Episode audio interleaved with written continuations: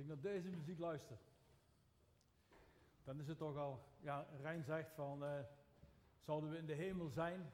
Zouden we op een harpje spelen? Ik dacht het niet. Maar als ik deze muziek hoor, ja, dat, dat, dat vult zo aan, dat geeft weer de woorden die uit, uit, uit, uit, eh, uit de teksten naar voren te komen. Die geven gewoon aan de sfeer van de hemel, hoe het daar zal zijn. Dat is toch iets waar je echt blij van wordt, dat is iets waar je echt naar uit wilt kijken. En ja, het is zo toepasselijk wat, wat vanmorgen ook allemaal gezongen is. Dat, uh, dat het woord wat ik doorgekregen heb en wat ik aan u door mag geven, ja, dat stemt zo op elkaar af. Maar desondanks, ik vind dat altijd spannend. En daarvoor, ik ga even een kort gebed doen. Zeker om de hulp te vragen van de Heilige Geest. Want Hij is het die door mij heen het naar u moet doen en ik niet zelf. Lieve Heilige Geest, ik wil u danken. Dat u mij geholpen heeft bij de voorbereiding. En wat een zegen, lieve Heilige Geest, dat u al zo de, de inhoud van de liederen zo afgestemd heeft over het onderwerp waar ik het, ja, waar ik het met de mensen over mag hebben. Heer, ik vraag ook door je Heilige Geest om het door mij heen te doen. Want uit mezelf kan ik het niet. Zo simpel is dat. U heeft me al veel dingen doorgegeven, maar laat deze ochtend dat naar voren te komen wat u de mensen wil doorgeven. En daar dank ik u voor. Amen. Als we gaan kijken naar de, naar de tekst, 1 Kronieken, onze jaartekst, eh, hoofdstuk 28, vers 20. Dan zegt hij, hij vervolgde, wees sterk en moedig en ga aan het werk. Laat de omvang van deze taak je niet afschrikken. Want de Heere, mijn God, uw God, helpt je. En hij zal je niet in de steek laten. Hij zal ervoor zorgen dat al dit werk op de juiste wijze wordt gedaan. En dat is al een hele krachtige. We hebben dadelijk ook nog een tweede jaartekst erbij. Normaal, ja, het gaat anders dan dat we dat anders gewend waren. Eerst hadden we altijd één jaartekst. Maar we hebben echt met het leidersteam gebeden apart voor, nou, wat krijg je van jaartekst? Kijk, wat krijg je door? En hoe mooi was het dat op een gegeven moment de volgende tekst, die ik dadelijk wel ga benoemen, aansluit op de eerste tekst. En dat is echt de werking van de Heilige Geest. Net hetzelfde als dat met de liederen, dat op elkaar afgestemd wordt. Dat is toch mooi, daar word je toch blij van als je toch ziet dat we zo'n God hebben, zo'n Heilige Geest, zo'n lieve Jezus, die al deze dingen samenbrengt. En dat we het niet allemaal zelf alleen over te doen. Maar één ding is wel belangrijk. Dat wij onze oren gespitst hebben en dat we de antennes zeg maar dus naar, ja, naar de Heer en naar de Heilige Geest en naar Jezus uitgestrekt hebben. Ja, als daar staat, wees sterk en moedig, ga aan het werk. Ik kom er dadelijk verder op terug. Want ik heb uh, de teksten, de, de Bijbelteksten genomen die ik doorgekregen heb. En daar vertelt Jezus. Jezus vertelt daar wat wij kunnen en zouden moeten doen. En eigenlijk, ja, we hebben gezongen van hoe mooi zal het zijn als wij straks zeg maar dus bij hem zijn op een dag uh, waar iedereen uh, al wat leeft al lang op wacht. Dan zullen we bij Jezus zijn. Maar houd er even rekening mee dat eigenlijk ja, in die tijd dat Jezus al hier was, dat hij het feest wat we gevierd hebben de afgelopen uh, december, dat Jezus geboren is en naar deze aarde toegekomen is. Hoe vreugdevol had dat kunnen zijn? Als de mensen gerealiseerd hadden waar wij nu naar uitkijken en waar we over zingen en waar we over bidden. Jezus was daar al. En we zullen zien vanuit het zijn woord. En dan heb ik het heel zeker over het, het, Nieuwe Testament. Omdat Jezus zelf hier was en zelf in de eerste vier evangeliën daar zo duidelijk over gesproken heeft. En ik heb altijd maar een klein boek bij de hand. Als ik naar dat Nieuwe Testament, naar dat evangelie kijk wat hij brengt. Dat goede nieuws wat hij, wat hij brengt. En vooral in deze tijd, er gebeurt zoveel om ons heen. Wij kunnen niet anders dan zonder u, Heer. We hebben zijn kracht, zijn wijsheid, zijn inzicht nodig. Om inderdaad het werk op de juiste manier te doen. En op het juiste moment de juiste beslissingen nemen. Is dat gemakkelijk? Nee. Is dat lastig? Ja. Maar met Hem zijn we meer dan overwinnaar. Dat hebben we ook gezongen. De tweede tekst, Dat is Matthäus 6, 33 en 34 vanuit het boek. En eigenlijk staat daar, hoe moet je het doen? Het allerbelangrijkste is, en we hebben het hier net al over gezongen, van, van wat dat betekent. Geef het koninkrijk van God en het doen van zijn wil de hoogste plaats in je leven. En al het andere zal u dan geschonken worden. Maak u geen zorgen voor de dag van morgen. Ook morgen zal God u weer geven wat u nodig hebt. Elke dag heeft al genoeg aan zijn eigen problemen. Jezus wist dat. Hij wist al vooruit dat elke dag genoeg had aan zijn eigen. Ja?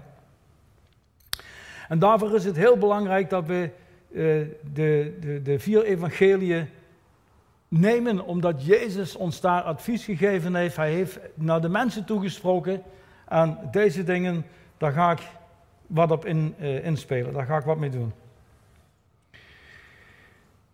Marcus uh, 1, vers 15. Dit was wat hij zei. De tijd is aangebroken. Het koninkrijk van God is nabij. En dan maakt het niet uit, hij zei dat toen 2000 jaar geleden. 2000 jaar geleden is net zoiets als twee dagen geleden. Staat ook in de Bijbel. Hè? Dus daar moeten wij niet mee bezig zijn. Wat we wel mee bezig moeten zijn, is dat Jezus echt gezegd heeft: Het koninkrijk van God is nabij. En hij gaat het verder in de teksten die ik met u ga doornemen, gaat hij bewijzen dat dat zo is. Heerlijk om dat te zien. En hij geeft een duidelijke opdracht. Kom tot inkeer en hecht geloof aan dit goede nieuws. En belangrijk is om te kijken, wat is dat goede nieuws? Want als je niet weet wat je moet verwachten en je weet niet wat het goede nieuws is, dan kun je er ook niet enthousiast over worden. Ik heb het al eens een keer eerder genoemd. Mensen hier in, op deze, in deze wereld kijken ook uit naar iets goeds maar niet wat van de Heer afkomt.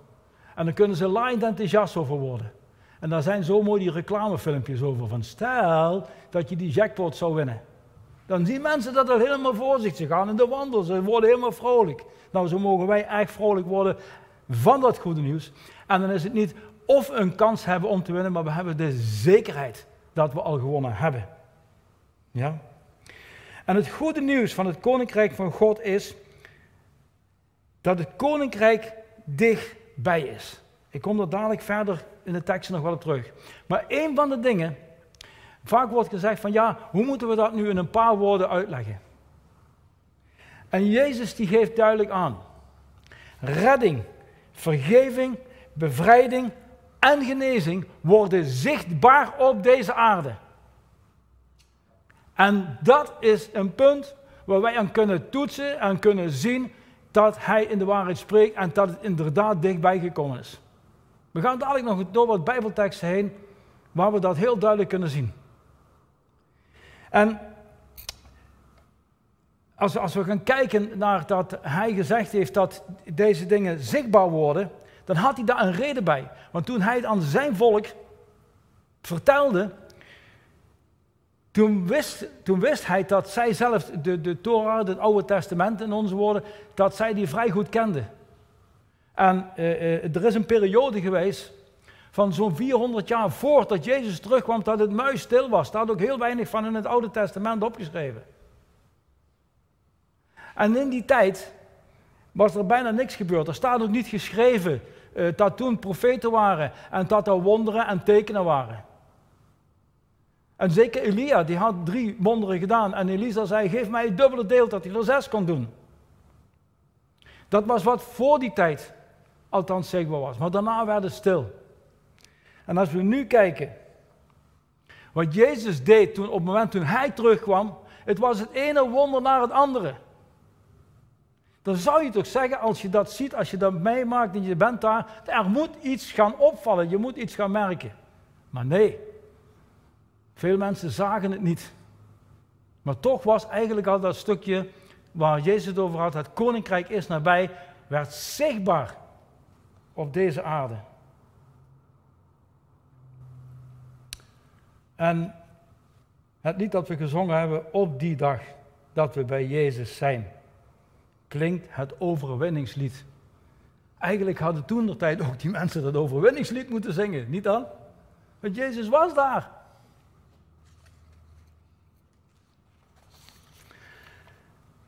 Ik neem even die onderwerpen zoals uh, redding, vergeving, bevrijding en genezing met u door. Want Jezus heeft daarover gesproken in het woord. Als we naar Lucas kijken, Lucas 9, vers 5 tot en met 10.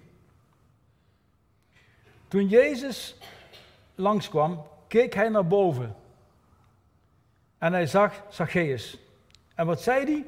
Kom vlug naar beneden, want vandaag moet ik in jouw huis zijn. Zo kijkt Jezus nog steeds naar ons. En hij zegt, jongen, waar je ook bent, weet ik niet, maar kom naar mij toe, kom naar beneden, want ik wil ook vandaag in jouw huis verblijven. En daar heeft hij een reden voor. En Zacchaeus die kwam meteen naar beneden en ontving Jezus vol vreugde bij zich thuis. En alle die dit zagen, zeiden morrend tegen elkaar, hij is in het huis van een zondig mens binnengegaan om onderdak te vinden voor de nacht. Ja, dat was voor die mensen was dat uh, niet te begrijpen. Denken ze, wat, wat, wat doet hij raar? Maar Jezus heeft daar een antwoord op. Maar Zacchaeus was gaan staan en zei tegen de Heer, kijk Heer, de helft van mijn bezittingen geef ik aan de armen. En als ik iemand iets heb afgeperst, vergoed ik het. Viervoudig. En Jezus zei tegen hem, let op wat hij hier zegt. Vandaag is dit huis redding ten deel gevallen. Zo wil hij gewoon naar een ieder van ons, naar u en naar mij, en alle mensen op deze wereld, dat hij kan zeggen, de redding is u, is jou ten deel gevallen. Daar gaat hij voor. Want ook hij is een zoon van Abraham. En dan zult hij zeggen, ja, ja, ja, ja, oké, dat was, hij hoorde bij het, Joodse volk en hij, het, het was het volk van God. Maar, maar, het waren niet zo als Jezus er niet was geweest, dat wij, zoals wij ook de rest van de volk geënt zijn op de Joden, dat heeft Jezus ook doorgegeven. En daardoor zijn wij ook deelgenoot en erfgenaam geworden van Abraham. Dat is nog een heel ander onderwerp. Ja? De mensenzoon is gekomen om te zoeken en te redden wat verloren was. Dat is een prachtige boodschap. Daar mogen we naar uitkijken. En Jezus die wil gewoon redden wat eeuwigheidswaarde heeft. Mensen hebben het vaak gezien van, ja, gaat het me dan, uh, word ik dan niet meer ziek en heb ik dan geen tekorten meer, weet ik wat allemaal meer. Nee, hij wil redden in eerste instantie uw geest. Dat die connectie zal krijgen met hem, met de Heilige Geest, met Vader. Zodat we voor de eeuwigheid bij hem kunnen zijn, waar we net over gezongen hebben.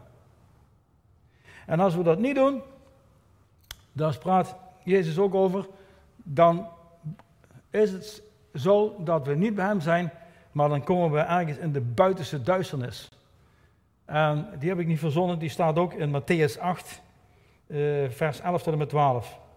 En daar staat, maar ik zeg u dat er velen zullen komen van oost en west. En daar bedoelt hij eigenlijk mee. De mensen, zeggen we dus, die niet tot de stammen toen de tijd van Abraham behoorden. En ze zullen aan tafel gaan met Abraham, Isaac en Jacob in het koninkrijk der hemelen. En de kinderen van het koninkrijk zullen buiten geworpen worden. In de buitenste duisternis, daar zal gejammer en tanden geknarst zijn. En als hij het dan heeft over die kinderen, dan betekent dat dat, dat in die tijd toen hij daar was, zijn eigen volk, die hem niet wilde aannemen, die hem afwezen, die hem zouden kruisigen, die hem echt aan de kant gezet hebben. Als die niet tot inkeer komen, dan zullen ze in de, de buitenste duisternis zijn, waar gejammer en tandengeknars zal zijn. En Jezus wilde dat niet, hij wilde iedereen redden. Als we het hebben over vergeving. We praten over Lucas 7, vers 47 en 48. Jezus was op bezoek bij uh, Simon, de hoge priester. Want er waren heus wel mensen in die tijd, gelukkig, die wel in Jezus geloofden. Die wel in de gaten hadden dat datgene wat in, in, in de Torah voor hun, het Oude Testament, stond beschreven, als we het over Jesaja 11 hebben. Daar staat hartstikke duidelijk in. Alles beschreven over Jezus. Maar wat daar ook zo mooi staat, dat is wat wij over gezongen hebben. Hoe die hemel eruit zou zien. Dat zal geen pijn zijn. Dat zal geen verdriet zijn. De leeuw zal naast het land liggen. De leeuw zal stro eten. Ik wil dat nog meemaken. Ik wil dat zien. Ja, ik hoop u ook. Maar dat is het wel hetgene wat eigenlijk dat volk van toen tijd, het volk van Jezus zelf, wist en kon. Omdat ze dat van kindsbeen af allemaal van buiten geleerd hebben. Ik heb het voorrecht gehad om een keer samen met Annemie in Israël te zijn. En ik heb daar gezien hoe vaders de kinderen van kleins af aan gewoon aan het leren waren, zodat ze die teksten allemaal van buiten konden. Dus in principe hadden ze het gelezen. Maar dan komt het punt, hadden ze het ook begrepen. En dat is een punt waar wij ook nog vaak moeite mee hebben. We lezen wel, we kunnen hier lezen. Maar op het moment dat we het niet begrijpen, dan blijf, dan ga niet direct door. Maar trek even terug en zeg, Heer, lieve Heilige Geest, wat bedoelt hij eigenlijk? Wat staat er? Hoe, wat wil hij me laten weten? En Jezus laat zien dat hij vergeving kon geven. Want voorheen, bij hun in die tijd, als ze gezondigd hadden, dan konden ze maar op één manier weer wat van hun zonde verlichten. Dat was door het bloed van lammetjes en stieren en dan weet ik wat te offeren. En wat zei Jezus? Daarom zeg ik je, haar zonde, dat is een vrouw die een zondig leven had geleid, zijn haar vergeven. Je moet je voorstellen, dat was shocking nieuws natuurlijk voor de mensen destijds, omdat die wisten van nou, zonde vergeven, dat is één die dat kan. Dat is God. En wij moeten er ook nog wat voor doen. Wij moeten ook nog uh, bloed laten vloeien, vloeien van dieren. En dan, dan, dan komt, je, komt die zegt van, je zonden zijn niet vergeven. En hij vervolgt, al waren het er vele, want ze heeft veel liefde betoond. En daar moest ik ook over nadenken, van wat bedoelt hij nou met die liefde betoond? Er zijn veel mensen in deze wereld die niet eens zo slecht zijn en zelfs veel goede dingen doen voor de mensen. En op dat moment, als we dat al aan doen zijn, dan is het eigenlijk een kleine stap. Dat Jezus kan zeggen, dat God kan zeggen, de Heilige Geest, jouw zonden zijn vergeven. Keer je, komt het in keer, ga naar Hem toe. Geef aan Jezus, ik heb hier in mijn fout gezeten en ik heb het niet goed gedaan. Maar u kunt mij vergeven, dat staat in uw woord. En mag ik dat claimen in uw naam?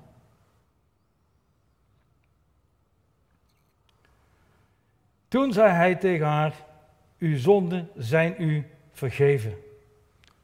En daarmee toonde hij aan dat hij de zonde kon vergeven. En of dat nou hier is, in zijn koninkrijk, omdat hij daar koning is, zal iedereen die daar is, die daar gekomen is, hun zonde vergeven zijn. Dus daar mogen we wel naartoe kijken.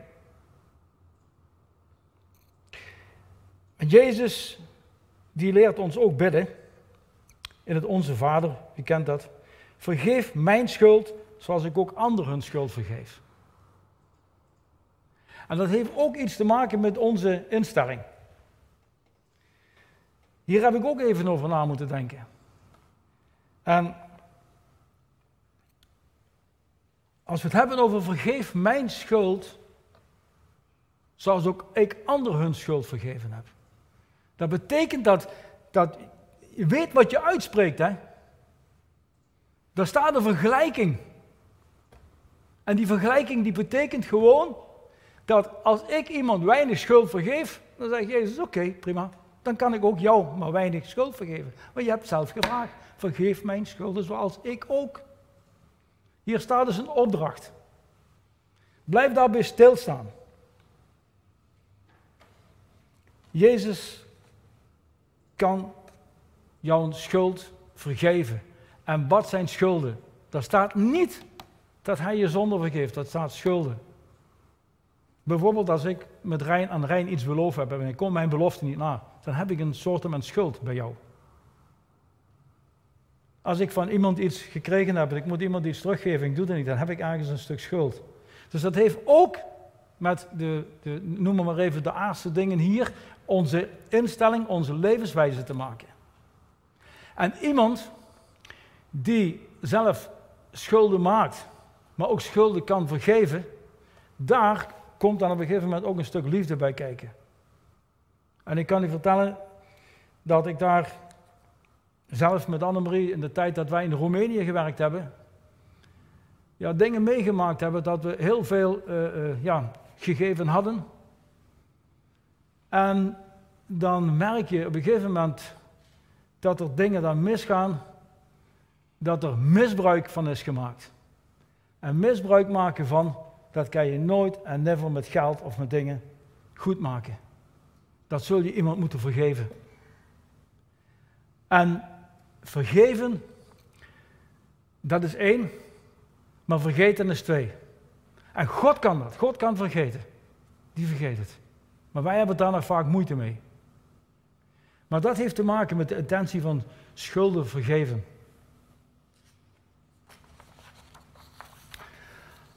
Als het gaat over bevrijding. Wat is bevrijding? Waar kun je los van komen? Waar zit je gebonden aan? En toch, ook hier, een Bijbeltekst, Matthäus 12, vers 28. Jezus laat er echt zien dat bevrijding heel bijzonder was in die tijd. Hij zegt, maar als ik door de geest van God demonen uitdrijf, dus in die tijd waren er ook al demonen. En ik heb gezien in het, in het uh, Oude Testament wordt weinig over demonen gesproken, alleen dat aan demonen geofferd werden. Het komt een keer of vier daarvoor in het Oude Testament. Dat is geen slimheid van mij, maar als je de Bijbel-app hebt, dan, hoef je daar maar te tikken. Dan krijg je vanuit eh, aangegeven hoeveel keer dat, dat, dat demonen daarvoor komen. Maar in het Nieuwe Testament 63 keer dat erover gesproken wordt.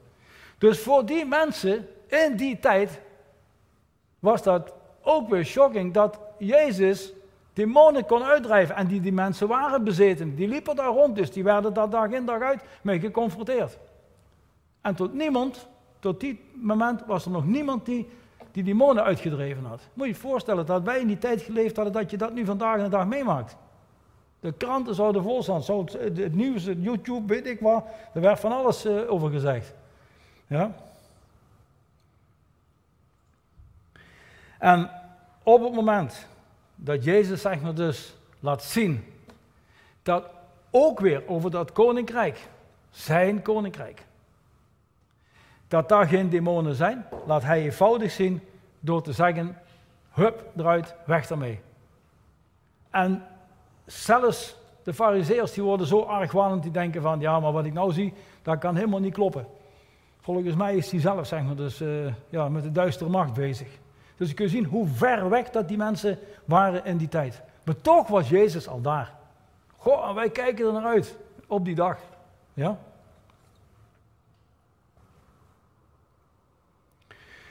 Dus echt die bevrijding is ook voor u en voor mij. En voor Jezus is er niks voor onmogelijk. Want hij geeft zelfs aan één voorbeeld, ik weet niet precies in welke Bijbeltekst dat daar staat, maar dat hij een bezetene tegenkomt. En Jezus vroeg nooit naar de naam van, van die demon, dat heeft hij maar één keer gedaan en dat was op dat moment. Van wie ben jij? En het was een legioen. Dus het waren er niet een paar, maar het waren er echt veel. En daardoor liet hij gewoon zijn kracht zien.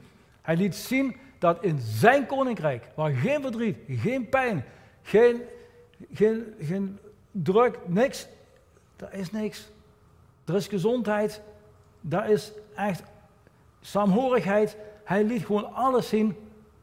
En hij haalde eigenlijk bijna letterlijk en figuurlijk alles uit de kast om te bewijzen dat hij de koning was van het koninkrijk.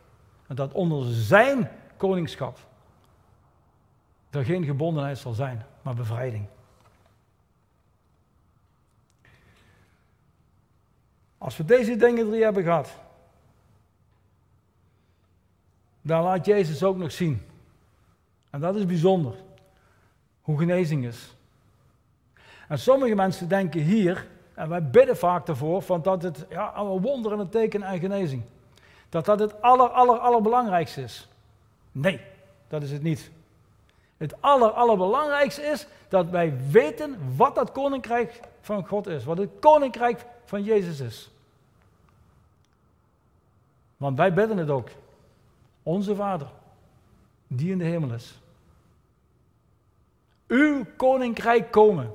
Dus dat is de overtuiging die wij zelf uitbidden, als we dat gebed bidden, ik hoop althans dat het voor u uw overtuiging is, dat dat koninkrijk komt. En mensen, het is helemaal niet belangrijk wanneer dat er komt. Het is veel belangrijker dat wij het verwachten en weten dat het komt. En één ding kan ik u zeggen, en die vergeet ik never en nooit meer. Ik zie Chris van hieruit zitten. En het gaat erom, jongen, die preek die jij gehouden hebt, met die golden ticket die we in de hand hebben, dat is Jezus. Dat is de sleutel, dat is de key, dat is het, het, het, momentum dat wij niet hoeven te vragen of dat we er komen. Nee, we mogen voor aan de rij staan. Kijk, ik heb Jezus. Ik mag binnen. En we moeten ons niet zo druk maken wanneer dat, dat precies komt. Maar we moeten wel voorbereid zijn. We moeten voorbereid zijn. En ook hier, de Bijbeltekst, Matthäus 4, 23 en 24. Hier geeft Jezus ons de sleutel wat we moeten doen en hoe. Hij trok rond in heel Galilea. Dus als ik dit lees, dan zeg ik, oh, oké, u heer, u trok rond. Wat moet ik dan doen? Ik moet ook rondtrekken. Hoor ja? Hij gaf de mensen onderricht in hun synagoge. Nou, een synagoge, dat waren niet de tempels, maar dat waren, wij noemen dat nu het kerkgebouw. Uh, zoals de mensen bij elkaar kwamen lokaal op de plaatsen waar ze, waar ze woonden. Ja? En hij gaf daar onderricht. Dus wat wij moeten doen is ook onderricht geven. Daar hoef ik geen leraar voor te zijn. Ze zeggen van mij, oké, ik ben leraar, ik mag het doorgeven. Mensen, het is heel simpel. Ik heb één ding geleerd. God was er heel makkelijk mee. Hij doet niet moeilijk. Je hebt gezien hoe groot dat hij Mozes kon maken en gebruiken voor zijn werk te doen. En Mozes wist het ook allemaal niet. Maar God zei één ding. Kijk, Mozes, wat heb je in je hand? En ik keek, een staf. Nou, zei God, prima, dan laten we daarmee beginnen. En vanaf dat moment, ja, het rest kun je zelf lezen, maar God kijkt gewoon, wat heb je in je hand? En datgene wat je in je hand hebt, het hoeft maar heel weinig te zijn. Als dat meer is wat die ander heeft en weet, dan mag je dat gewoon doorgeven. Ik kom er dadelijk op terug. Hij verkondigde dus het goede nieuws over dat koninkrijk. En dat koninkrijk, dat goede nieuws, dat is hetgene wat hij iedere keer, op iedere keer, iedere keer weer opnieuw vertelde. En een van de belangrijke dingen is om te weten dat u, kunt ook lezen in de Bijbel dat, dat, hij, dat mensen die genezen willen worden, stroomden allemaal naar hem toe. En wat zei Jezus? Ik moet naar andere plekken gaan, want ik moet het goede nieuws moet ik gaan vertellen.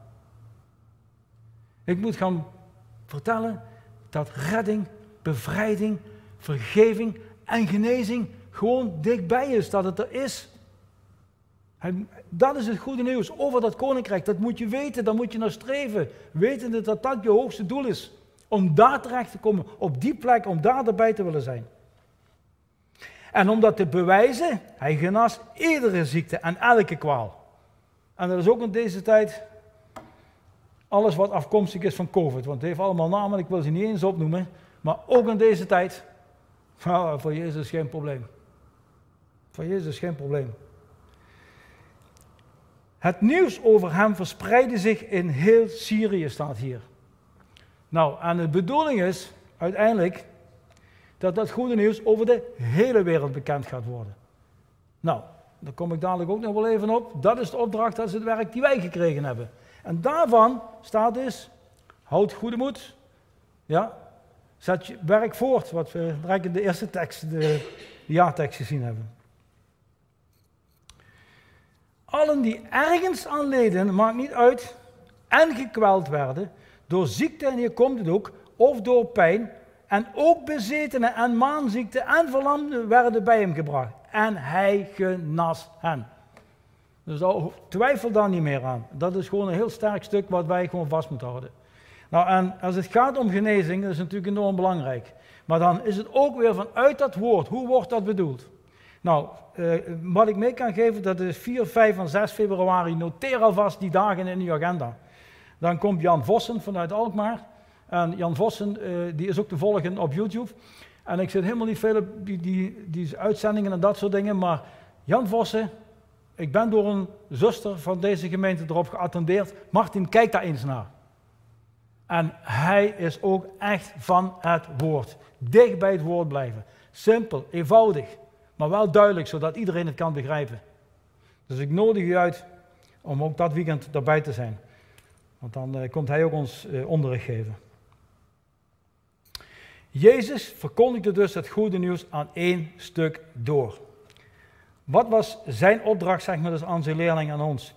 Ga ermee door. Dat zei hij al tegen de apostelen van hun, maar die zijn inmiddels ook eh, vertrokken. En het boodschap betekent dat aan een ieder van ons gewoon gezegd wordt: Nou, verkondig dan dat goede nieuws. Staat niet van we moeten de mensen gaan bekeren. Dat is iets wat de Heilige Geest kan doen. Wij kunnen wel dat goede nieuws vertellen. Net als dat ze ons de kop gek maken om maar de staatsloterij die reclame te blijven maken. Maar het is wel nog aan ons of dat je eraan mee gaat doen of niet. En dat besluit en die beslissing, die kun je alleen maar maken op het moment dat iemand je iets laat zien. En dat is mede aan onze taak. Dat is ook wat de apostelen gedaan hebben.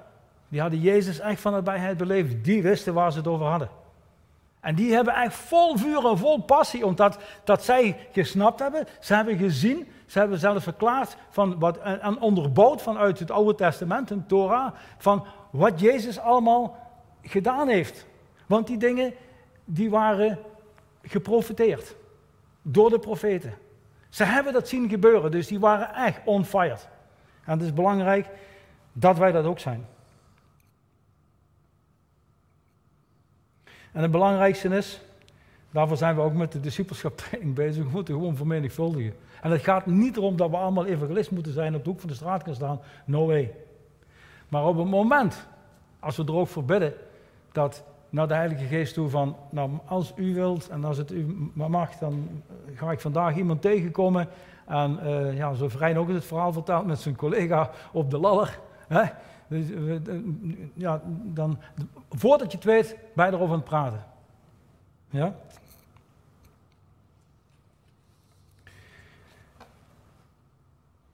In Matthäus 9, 11, 13 bevestigt Jezus dat. Want wat zegt hij? Jezus vraagt Matthäus, als zijnde de tollenaar, om hem te volgen. En waarom? Daar had Jezus maar één doel mee. Dat was om hem tot een discipel te maken. En dat is ook hetgene. Ik kan niet vragen, Rijn, wil je mij gaan volgen? Maar ik kan, kan wel zeggen, als we in gesprek komen, kun je me een beetje volgen. Waarover dat ik het heb. En ik probeer het dan uit te leggen. En kijken of je het vast kunt pakken. En de fariseërs zagen dit en zeiden tegen zijn leerlingen, Waarom eet uw meester met tollenaars en zondaars? Dus dat vroegen ze aan de leerlingen, maar Jezus heeft altijd de oren gespitst. En dit is ook een mooie. Voordat zij antwoord konden geven, gaf Jezus antwoord. Mijn advies is, als wij een vraag gesteld krijgen, dat heb ik ook in de Bijbelstudies geleerd, neem even rust om te luisteren. Want het zou zomaar kunnen zijn dat je van de Heilige Geest een antwoord terugkrijgt. Op het moment dat je zelf komt direct met een antwoord, dan is de vraag altijd of dat een goede is. Maar Jezus liet hier zien, hij is altijd erbij. En hij hoorde dit en gaf als antwoord. Gezonde mensen hebben geen dokter nodig, maar zieken wel. Dus overdenk eens goed wat dit wil zeggen. Barmachtigheid wil ik en geen offers. Hoe vaak zijn wij niet bezig met offers te brengen en offers te geven, onze tijd en weet ik wat geld, noem maar op. En toch zegt Jezus, ik wil barmachtigheid. Ik wil medeleven. Ik wil bewogenheid. Ik wil dat je ja, er verdriet van zou hebben als mensen verloren gaan. Net zoals Jezus dat ook had. Van, maak dat zeg maar dus als jouw, jouw, jouw, jouw, jouw eerste uh, prioriteit. Hij zegt, ik ben niet gekomen om rechtvaardigen, maar om zondaars te roepen.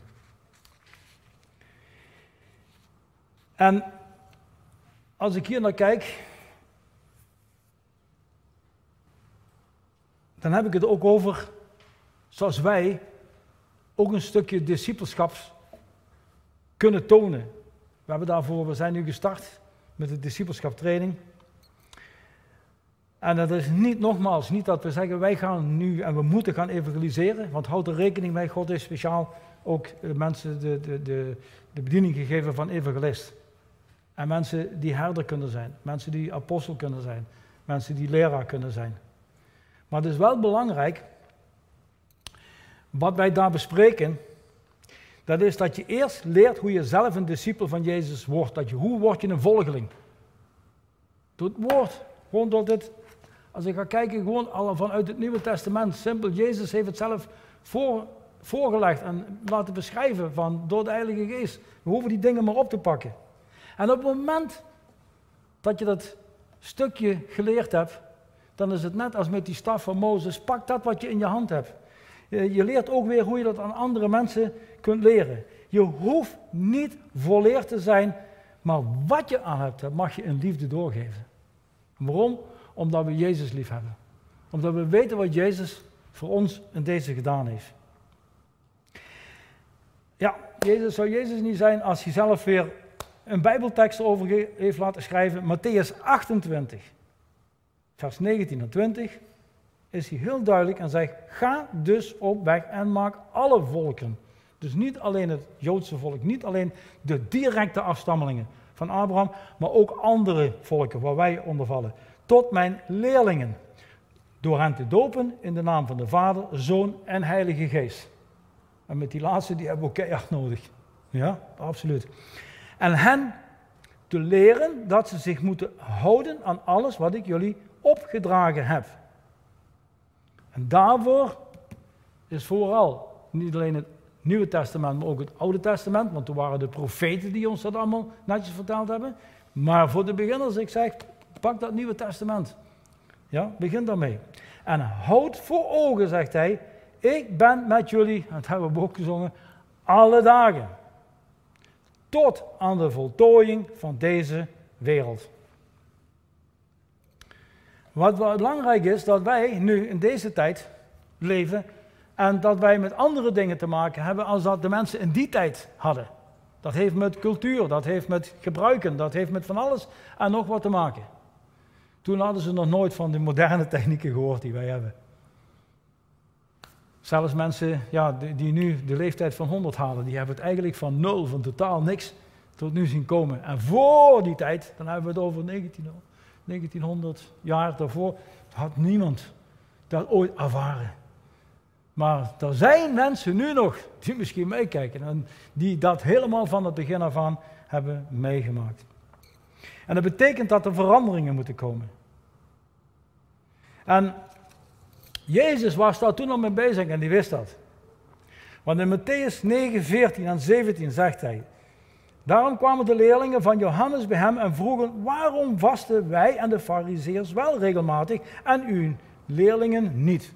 Nou, als we het over gebruik hadden, in die tijd was dat een statement. Maar Jezus dorst dat te doorbreken. Omdat er een andere tijd op komst was. En hij zegt, Jezus antwoordde, de bruiloftgasten kunnen toch niet treuren zolang de bruidegom bij hen is. Dus er zijn momenten dat het anders kan. Maar de Joden die hielden één ding, één lijn, één vaste regel. Maar er komt een dag dat de bruidegom bij hen wordt weggehaald. Dan zullen ze vasten. Dus dat was al anders als dat ze gewend waren. En nu komt het en dan zegt hij: Niemand verstelt een oude mantel met een lap die nog niet gekrompen is. Wat bedoelt hij daarmee? Op het moment dat, je, dat hij komt met een nieuw gebruik, en dat ga je aan de mensen die dus van die oude dingen allemaal gewend zijn. Als je dat gaat vertellen, man, die, die beginnen te krasen en te piepen en te kraken, dat gaat aan alle kanten gaat dat mis. Dus moet je daar anders en goed mee omgaan om dat op een zachtere manier gaan te brengen. Want die nieuwe lap die trekt namelijk de oude mantel kapot. En wat wij nu op dit moment in deze tijd meemaken, zelfs in onze eigen kerk, dat wij vernieuwingen zien. We gaan dingen anders doen. Eigenlijk meer terug als we naar de basis gaan.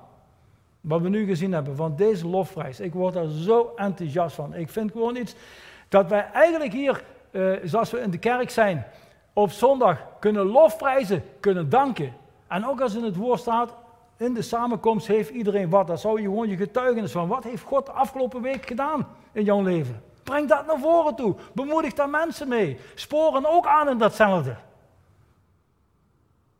En natuurlijk, ik doe nog een preek, ik probeer wat onderwijs te geven. Maar eigenlijk, wat ik hier doe, mensen, dat zouden we bij elkaar, thuis, in de thuisgroepen, in de kleine kringen, de ecclesia, zoals het ook oorspronkelijk in de Bijbel staat, daar gebeurt het. En natuurlijk mag er een stukje onderwijs zijn, dat was ook in de synagoge, dat deed Jezus zelf ook. Maar de boventoon is die lofprijzing. Dat is alle eer en glorie aan Hem geven. Dat is echt, spreek, spreek die dankbaarheid uit, zodat anderen dat kunnen horen en bemoedigd gaan worden. En evenmin, pak die dan een volgende, evenmin giet men jonge wijn in oude leren zakken. Anders scheuren die zakken. Dus als je die jonge wijn in die oude zakken gaat doen, ja.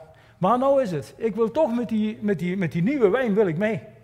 Want de nieuwe wijn die we tegenkomen, dienst anders, buiten, in de tent bijvoorbeeld, in de tent ter samenkomst. Ja? Op een andere manier de dienst gaan invullen. Nou, ik heb voor mijzelf een uh, besluit genomen. Van, uh, ik ben dan wel uh, 68, maar ik, ik, ik, ik wil een jonge zak. ik wil geen oude zak zijn. Die nieuwe wijn, die, die, die wil ik hebben. Ik kijk er naar uit, echt, ik kijk er naar uit. En samen met u. Wat God gaat doen. En geloof er nog maar dat Hij weet wat Hij doet. Hij kent deze tijd. Hij wist alles al wat er ging gebeuren, want daarvoor is Hij God. Maar het is zaak dat wij op Hem gefocust blijven.